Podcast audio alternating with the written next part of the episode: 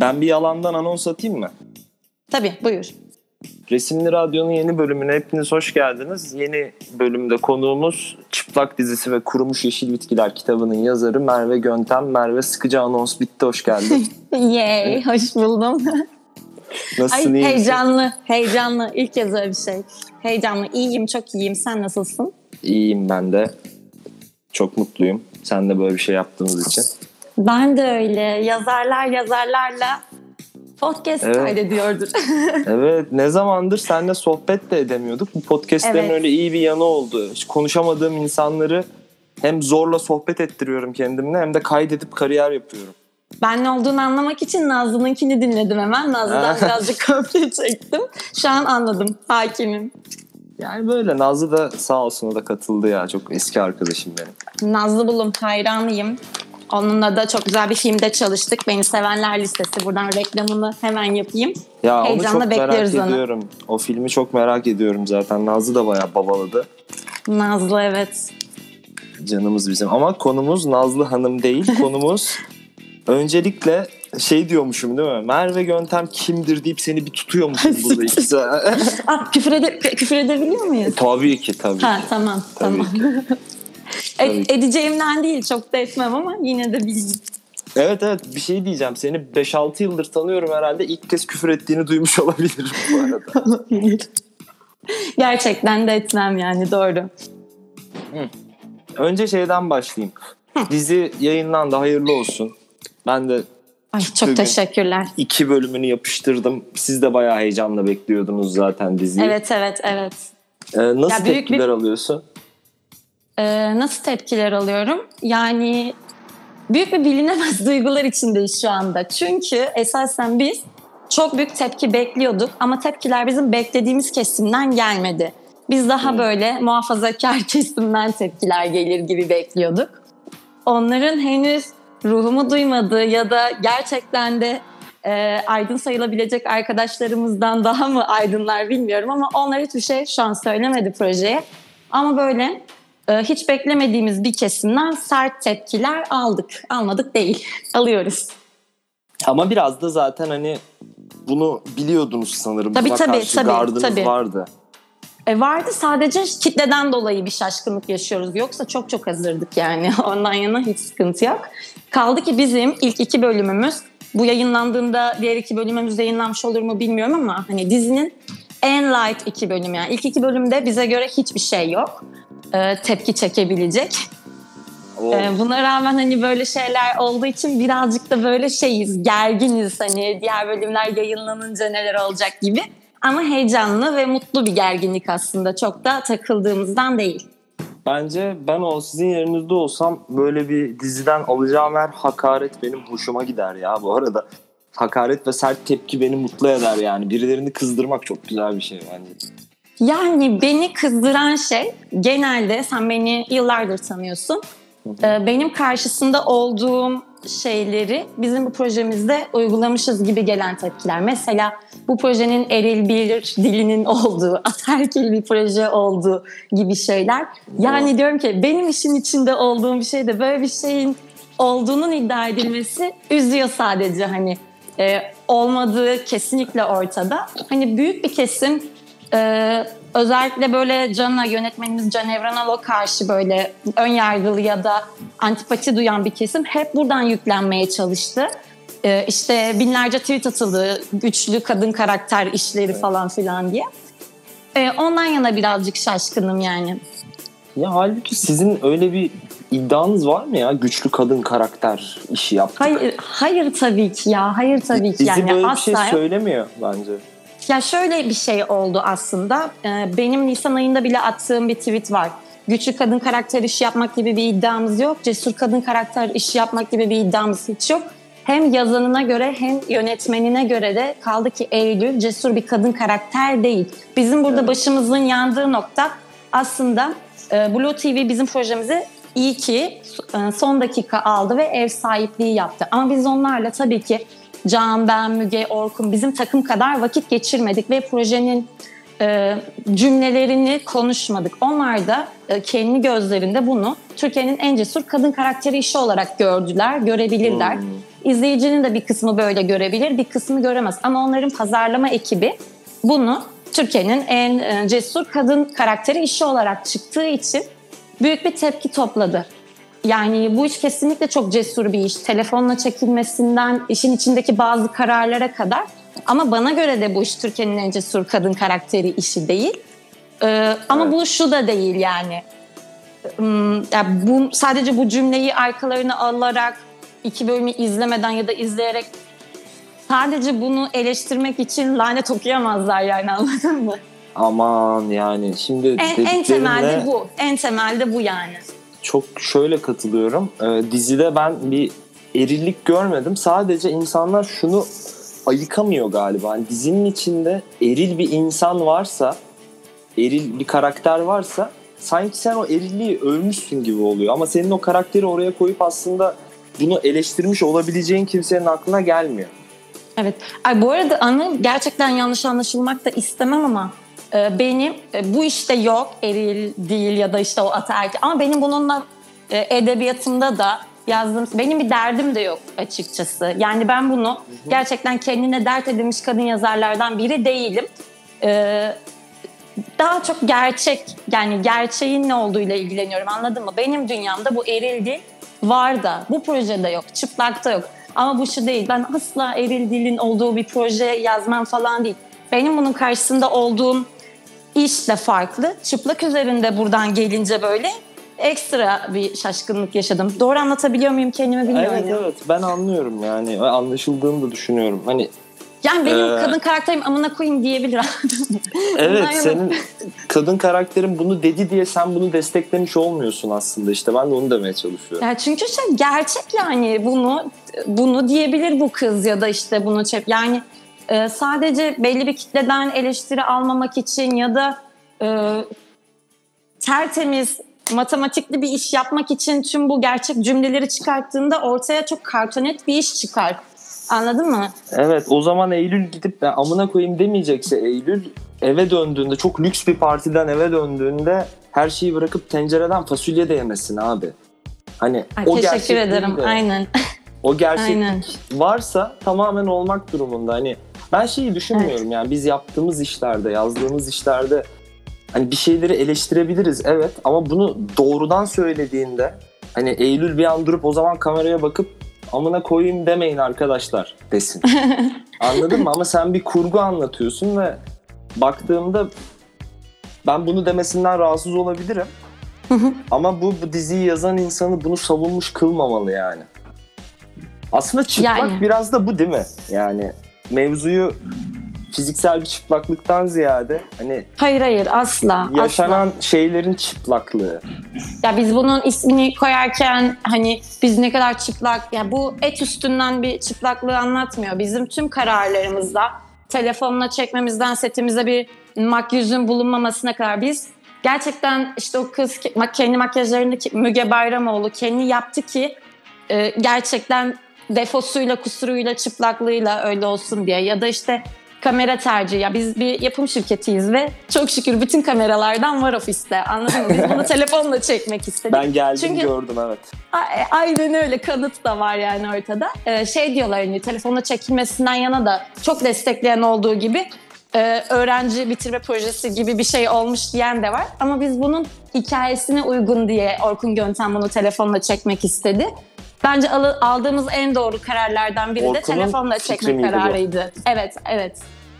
Brom ya helal olsun. Yani Çünkü şey e, eğer- Orkun'la Can pardon böldüm seni bir, bir iş Estağfurullah. çekmişlerdi telefonla o dönem. Ee, birlikte bir şey çekmişlerdi. Tam işin ne olduğunu hatırlamıyorum ama orada ikisinin de kanına girmişti aslında bu telefonla iş çekme mevzu. O sıra biz de çıplak yazarken çıplak üstünde denedik ve memnunuz biz. Valla yani eğer bir şey cesur nitelendirilecekse çıplakta telefonla çekilmiş olması cesur bir iş olarak nitelendirilebilir bence.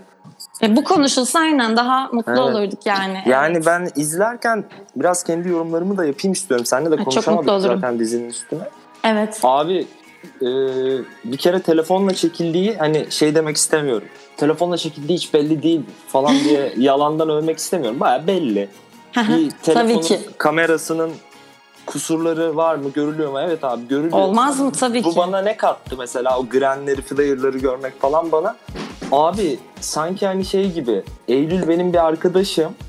Ben onun Instagram storylerini izliyorum anladın mı? Süper. Ama beni buradan tabii sıyıran da bir şey var. Ee, o da şey hani bazı açı oyunları, kamera trikleri bilmem ne onlar da yapılmış ama bir yandan. Yani o yüzden de demiyorum ki bu bir telefonla çekilmiş osuruk iştir de demiyorum. Bence tam olması gerektiği şeyi veriyor yani. Bir Yani de şöyle o- bir havası da var. Orkun Göntem her an dizi çekebilir anladın mı? Şarjı olduğu sürece Orkun her an dizi çekebilir. Evet. Zaten sürekli kayıt altındayız yani. Hayatımız bir dizi gibi şu anda telefonda. Yani şey o grenler vesaire hepsi hani setin çok öncesi çalışılmış. Hepsi hesaplanmış. Sonucunun ne olacağı bilinerek sete çıkılan şeylerdi. Hani bu yapımcı için bir risktir. Çünkü bir platform grenli iş yayınlayamaz ya da perdede belki yayınlanamazdı. Ki biz yola çıkarken e, şey diye de çıkmadık. Aa bunu işte Blue TV'ye veririz, oraya veririz, buraya. Biz bu işi çektik bam diye bir, bir şekilde yayınlarız diye çektik yani. O yüzden çok özgürdük çalışırken. Granny'den diğer aldığımız hmm, lüks şeylere kadar, lüks dediğim maddi lüksler değil, normal bir dizi setinde yapamayacağın lüks şımarıklıklar oldu yani çıplakta. Öyle. Mesela Ee, mesela bizim çok küçük bir ekibimiz vardı ve e, biz kendi aramızda şey diyoruz setimiz gerçekten bayağı gerilla şartlardaydı. Yani çok düşük bütçeli bir iş çıplak. Hani şey oluyor şimdi Blue TV'nin e, diğer yapımlarının yanında bizimki işte kalitesinden de prodüksiyonundan eleştiriliyor ama bu zaten hani çok minik bir ekiple telefonla işte sette makyöz yoktu diyorum ya da ne bileyim bir, bir sürü normal sette olan şey yoktu bu sette. Ona rağmen hani bir platformun bunu e, kucaklaması bizi çok onure etti aslında günün sonunda. Çünkü bunu hesaplayarak çıkmamıştık biz yola. Valla bence de onarı olmanız lazım. Benim de koltuğum kabardı yani açıkçası. Sonuçta ben sizin ofise... sen başından beri çok destekliyorsun biliyorum. Çok da teşekkür ederim yani. Yani seni destekliyorum, Orkun'u destekliyorum. Şahsen tanımasam da ben Can Evrenoğlu bir persona olarak çok cesur buluyorum. Yani ben Evet. Muhafız'ı izledim, ilk sezonunu izledim ama Can Evrenoğlu'nun tamamen kendini yansıtabildiği işlerini izlemedim onun kendi filmlerini falanlarını filanlarını ama dışarıdan bir persona olarak ben çok takdir ediyorum. Çünkü hani adam gerçekten olmak istediği gibi yaşayan ve Evet. fırsatı olsa onun gibi yaşayacak olan ama götü yemeyen çok fazla insanın eleştirisi altında yaşıyor. Evet. Kah yaptığı işler, kah yaşam tarzı bilmem ne olarak. Kesinlikle. Kesinlikle. İdolümüz ya. İdolümüz Can Evrenol yani. Yani Can'dan öğrendiğimiz çok şey oldu bu süreçte. Hem iş, işe dair, hayata dair, arkadaşlığa dair. Ben hayranlık duyuyorum ya gerçekten. Can'la başka bir proje için biz ilk başta çalıştık. Çıplak bizim birlikte yazdığımız ikinci iş. Ama çıplığa yazarken gerçekten hem hikayesi içinde hem de bizim set sürecinde e, Can'ın çalışkanlığı bir kere çok şey öğretti bana. Yani inanılmaz tutkulu, inanılmaz savaşçı ve inanılmaz çalışkan bir herif. Yani şey bence tesadüfen değil. Netflix bir proje yapıyor ve ilk yönetmen olarak onca yönetmen içinden Can Evrenoğlu seçiyor. Bu tesadüfen alınmış bir karar değil. Bu, Bu herif vizyondur ya. Evet manyak bir yani manyak bir çalışkanlığı var canım ve çok tutkulu. Yaptığı işe inanılmaz vaktini ayırıyor. Ben şey hiç yaşamadım yani kaç yıldır 8-9 yıldır bu sektördeyim. Storyboardla sete çıkan bir yönetmenle çalışmamıştım abi. Kare kare bu işin storyboardlarını hazırlattı. Yani böyle bunun gibi bir sürü minik ve büyük detay var Can'ın hayatında. Bunları öğrendiğim için, deneyimlediğim için kendimi çok şanslı sayıyorum çıplak setinden. İyi, buradan ona da selam söylemiş olalım. Tabii ki, tabii ki. İleride bakalım bir şekilde onu da onunla da böyle sohbet etmeyi çok istiyorum zaten. Çok sevinir bence Can, çok sevinir. Ya arada bir şeyler oluyor, yazıyorum, ediyorum. Sağ olsun yanıtlıyor. Ee, Tabii canım, çok sevinir. Şuna geleceğim. Öncelikle e, bu dizide yalnız bak cesaret değil dedik başta şu da yanlış anlaşılmasın. Gerçekten bu dizide oynamak biraz bence göt ister. Tabii ki öyle. Hani başrolünüzü nasıl buldunuz? Ee, bunu Instagram postuma da yazmıştım. Bizim için bu dizinin oyuncu seçmeleri, audition süreci e, ki düşünüyorum tek başına bir dizi yapılabilir bir evrendi. Çünkü çok uzun sürdü. Setimizi yaklaşık bir buçuk iki ay erteledik normalde verdiğimiz set tarihini. Çünkü yüze yakın belki yüzden bile fazla kız gördük. Hem canlı hem işte fotoğraflarla, videolarla vesaire. Hiçbiri canlı içimize sinmiyordu farklı farklı sebeplerle. Ee, bir kere en başta projeyi yanlış anlamaktan dolayı içimize sinmiyordu. Sende de oyunculuk var ve şöyle bir şey biliyorsun şimdi audition'a gelirken karakterler o rolü anladığı şekilde o role uygun giyiniyor geliyor atıyorum Evet. ve ona hazır. Şimdi bizim Eylül alışıldık escort profilinin bir tık dışında bir kız. Bu kız kot pantolonla, e, sneakerla falan gidiyor işte anladın mı? Hı hı. Ee, Biz şimdi e, audition yaptığımız alana kızlar geliyor. Rugan taytlar, takma kirpikler, postişler, deli gibi makyajlar. Ben zaten bunları kapıdan girer girmez kafamda eğiyordum. Bu şeyden değil, kızların dış görünüşünden kesinlikle değil. Projeyi yanlış anlamak yani eskorta yaklaştıkları yer, okudukları şeye yaklaştıkları yer. Bizim Evet. için Ee, yani Müge Ofis'e geldiğinde inanılmaz doğaldı ve inanılmaz büyük bir enerjisi vardı. Ve şey tek endişemiz yani bu kadar şey bir kız, gerçekten prenses hayatı olan bir kız bu işin altından nasıl kalkacak? Çünkü Instagram'ına giriyorsun evli şey böyle dü- düzgün anladın mı her anlamda. Evet. Ve biz şaşırıyoruz hani nasıl olacak falan. Ee, uzun bir süre Müge bizimle birlikte çalıştı. Süreyya ile çalıştı oyuncu koçu. Ee, çok vakit geçirdi Can'la bizimle ve daha iyi bir Eylül olamazdı dedirtti yani. Her seferinde bunu her yerde söyleyeceğim. Vallahi ben de e, çok beğendim. Hem hani Değil mi? acting anlamında, acting de neymişse artık oyunculuk anlamında hem de şey anlamında e, karakteri anladığını bildiğim için ben biraz gıcık bir izleyiciyim. Yani şey yapamıyorum. ben abi sana orada belli bir süre ve kafamı emanet edeceksen senin o rolü çalışmış olduğunu bana göstermen gerekiyor izleyiciye. Ve daha ilk dizi başladı. Müge'yi şeyle gördük ya işte deri ceket, kot pantolon, işte tavşanlı telefon ve Evet. yani de detaylar abi işte mesela tırnak. O tırnak detayı bile yani. Ona Bir dikkat şey etmene veriyor. çok sevindim. Onu yaptırana kadar öldük yani. dikkat edilmesine çok sevindim. Abi veriyor ister istemez yani. Çünkü ben de evren bozması için belki anımsarsın. evren bozmasının içinde de bir paralel escort hikayesi olduğu için benim romanım. çok fazla escortla röportaj yapmıştım. Ha, süpersin. bi- bilmediğim Keşke sana bir gelseydim. izlemedim. Yazarken keşke bir gelseydim sana yani. Vallahi hiç, hiç gelmene gerek yok. Gelmiş kadar izliyorum. hani şey falan çok hoşuma gitti benim. İnsanların yanındayken bir persona var. Bir Eylül personası var. Ama 5 dakika tuvalette yalnız kaldığında tekrar böyle bir başka minik bir insan oluyor yani. Minik bir çocuk oluyor tekrar böyle. Kendi özüne dönüyor. Hiç orada değil. Hiç gözü Evet, boyanmıyor. evet. konuşurken mahcup ama kime mahcup mesela işte o başrol çocukla konuşurken Hı hı. mahcup çünkü onunla başka bir diyaloğu var ama diğerleriyleyken çok vamp. falan Yani çok böyle. az bölüm yayınlandığı için ve hikayeye dair çok az şey açıldığı için çok böyle bir şey söyleyemiyorum şimdi ama Eylül Yok, genel söyle. olarak cep telefonunun içinde yaşayan bir kız yani. Onun için e, mesajlaşmak Instagram, Twitter aslında kendime de çok yakın ve yaşıtlarıma çok yakın gördüğüm bir karakter yani. Benim de telefon her zaman yanımda, elimde, orada buradadır. Ama bu kız hayatını telefondan idame ettiriyor anladın mı? Ay, yetişkin escort ama- taklidi yapmıyor ama o benim Asla, işte. asla yok. Yani detaylar bir de. Az önce de belirttim ya. Bütün o şaşalı şeyden çıkıp eve gelip tencereden fasulye yemesi. Evet. Ben orada bittim. Çok gerçek geldi çünkü anladın mı? Bir- Bunu ben de yapıyorum. Hani dışarıdayım, imza günü yapıyorum. Hani havalıyım anladın mı? Süperstar gibiyim. Sen her zaman havalısın. Estağfurullah. Eve bir dönüyorum. Abi tencereden ben de böyle makarnayı doldurmuşum ağzıma. Ölmüşüm acımdan çünkü. Bu- bunu çok yaşıyorum yani ben de. O yüzden şey çok beğendim. Başrol oyuncunuzu da gıyabında tebrik ediyorum. Çok kolay bir rol değil.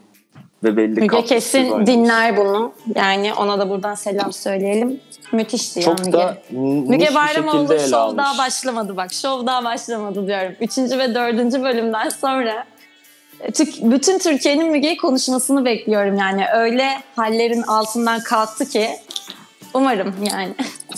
Yani şey de diyebilirdi. Bazı oyuncular bunu yapar. Türkiye'de ben buna şahit oldum. Hani Ee, nasıl olsa zor bir rol ve şey denir ya dişi bir rol. Bir cinsiyetçi bir tanım değil hani. Dikkat çekici bir rol. Yani rol kendini satsın ben hiçbir şey yapmayayım. Hayır e, Müge rolle mücadele etmiş. Tabii tabii. tabii. Rolü giymeye çalışmış ve ben gerçekten izlediğim karakterden memnun kaldım. Çok sevindim. Çok çok sevindim. Ya bunları arkadaşımsın diye söylemiyorum bu arada. Hani beni bilirsin ben söylerim Merve ya biliyorum, falan. Biliyorum bir, canım. Bir bok zannedip kendimi. İnanılmaz başarılı buldum. Diğer çocuğu da beğendim. Mert Ramazan Demir. Evet. Evet. E, onun da herhalde göreceğiz epey de. Evet, evet, evet. yani karakteri ele alışını da beğendim. Mert'le Orada... ilgili de büyük sürprizler olacak evet. o kadar insan arasında hani vahşi bir sürünün içinde biraz 2-3 mimikle kendi farkını belli edebilmesi falan hoşuma gitti. Çok sevindim. Çok sevindim. Şimdi biraz bir küçük daha vaktini alacağım. Çünkü benim pod- podcastlerin birazcık ana konsepti şey. Hani biliyorsun sana da çok geliyordur. Etrafımızda çok fazla bir şey yazmak isteyen insan var. E senin de Hı-hı. bir tane kitabın var. Hı-hı. Ki hani senin kitabın var da senin bugüne kadar yazdığın çok fazla şey var. Hani biz seninle de zaten bu vesileyle camiadan tanışıyoruz. evet. Ee, Edebiyat arenası. Edebiyat arenasında tanışıyoruz. Çok fazla insan var yani böyle bir şeyler yazmak istiyor. Evet. Ama kafası çok karışık. Nereden başlayacağını bilmiyor. Sen sonuçta bunu bir şekilde başarmış bir insansın. Birazcık bu konuda konuşalım. Tavsiye falan kafaları. Başarmış dediğin için böyle adım bir geri atasım geliyor böyle. Umarım öyledir. Niye ortaya Tavsiye vermekten de çok gerilirim ama şeydir yani benim de uygulamaya çalıştığım bir şeyi söyleyebilirim. Kıçının üstüne oturup yazmak yani. Ben de böyle aşırı disiplinli, o özendiğim büyük yazarlar gibi masamın başında her sabah vakit geçiren bir biri değilim henüz. Umarım umarım bir gün olurum. Ama tek bir yerden geçiyor Anıl ya biliyorsun yani oturacaksın evet. ve yazacaksın. Başka böyle bana hiçbir şey gelme. Bu Hemingway'in 6.45'ten çıkan şahane bir kitabı var yazmak üzerine diye. Ben ezberledim artık kitabı. kitabı böyle baştan sona ezberledim. Çok motive ediyor çünkü beni. Hem senaryo yazarken hem e, kitaba çalışırken falan. Birkaç tane kural var orada ve oradakilerden bir tanesi yok diyorum ben de yani. Disiplin. Yani ve disiplinin olmadığı yerde şey oluyor, sekiyor yani olay. O yüzden yani disiplin bana göre oturacaksın, yazacaksın, oturacaksın, yazacaksın. Ve bunun kutsal bir yanı yok değil mi? Hani biz oturup kelimeleri dans ettirip insan ruhlarına terapi. Bana göre bana göre yok. Bana göre. Ben zaten hani hayatımın hiçbir alanında daha böyle savruk savruk yaşıyorum. Bu edebiyatıma da öyle yansıyor. Yazdığım şeylere de öyle yansıyor. Hani daha kontrollü ve daha disiplinli olmayı gerçekten öğretmeye çalışıyorum kendime. Ama hani biri bana da DM'den de çok geliyor ne kitabı nasıl yayınlatabiliriz şu bu falan. Ba- benim verebileceğim bir cevap yok yani buna. Çünkü o zaten kendi yolunu buluyor işte bir şekilde yazdıysan sen de biliyorsun reddediliyorsun. Evet. Yani ben reddedildim dosyamla. Ondan sonra başka bir yayın evine gönderiyorsun. Yayınlıyor ya da yayınlamıyor ama o seni yayınlamadı diye bu macera bitmiyor, devam ediyor. Tamamen senin o yolda olmanla alakalı bence. O yol içinde bir şeyler yapıyorsan ya sağdan ya soldan bir şeylere çarpa çarpa buluyorsun yani. Ya da Sen bulmaya bir şey çalışıyorsun. koyduysan ortaya o yolunu buluyor bir şekilde. Öyle ya öyle sanki. Benim evet. hiçbir yerde bir türlü sahneletemediğim bir tiyatro oyunum vardı mesela. Nicedir onunla ilgili bir şey yapmak istiyordum. O şu an benim yeni romanım olacak mesela. Hani e, çünkü şahane. fark ettim ki aradığım vibe boymuş şu an. Ve şahane. O tiyatro oyunu olarak çıkmış. Küsmeye hani gerek yok. Çok dağıttığım bir dönemde bana Altay Öktem Altay abi şey demişti. ee, Anıl öyle yaşayarak öyle yazamazsın demişti.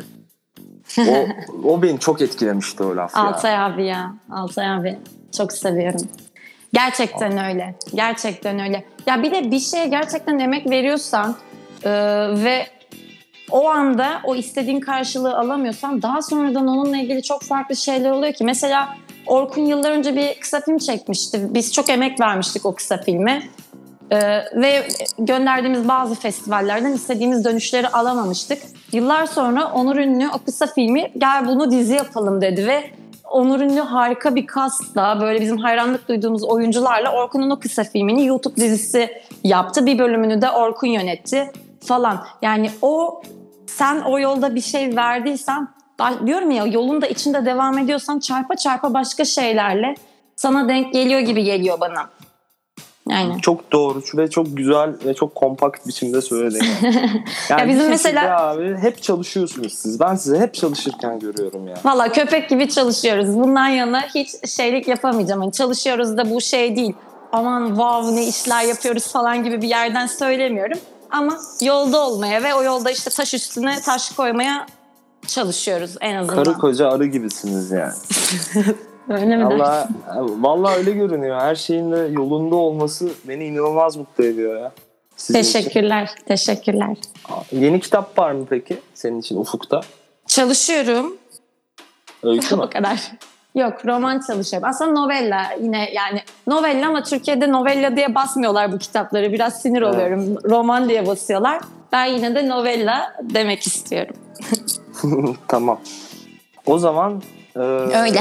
söylemek istediğin son bir şey ya da tavsiye etmek istediğin bir dizi, film, albüm bir şey ile kapatalım. Bir tavsiyede bulun bize. Six Feet Under Blue TV'ye gelecekmiş ya da gelmiştir bilmiyorum görmedim. Six Feet Under çünkü benim yeryüzünde en sevdiğim dizi Six Feet Çok Under. güzel dizi. Onu, onu geldi aklıma bir anda onu tavsiye etmiş olayım. Tamam. Öyle. Seni çok öpüyorum. Tamam Merve teşekkür ederim. Atayım mı seni? Görüşüm- Çıkabilecek misin? Atabi at çıkamam herhalde şu an. Panik oldum. Tamam. Katıldığın için çok teşekkür ediyorum. Ben teşekkür ederim. Çok teşekkürler hatta. Öptüm. Hoşçakal. Evet. Bir sonraki bölüm okurlarla olacak demiştik zaten. Ee, Hala olacak. Hepinize çok teşekkür ediyorum. Sevgili Merve'ye de bütün çıplak ekibine de çok teşekkür ediyorum. Hoşçakalın.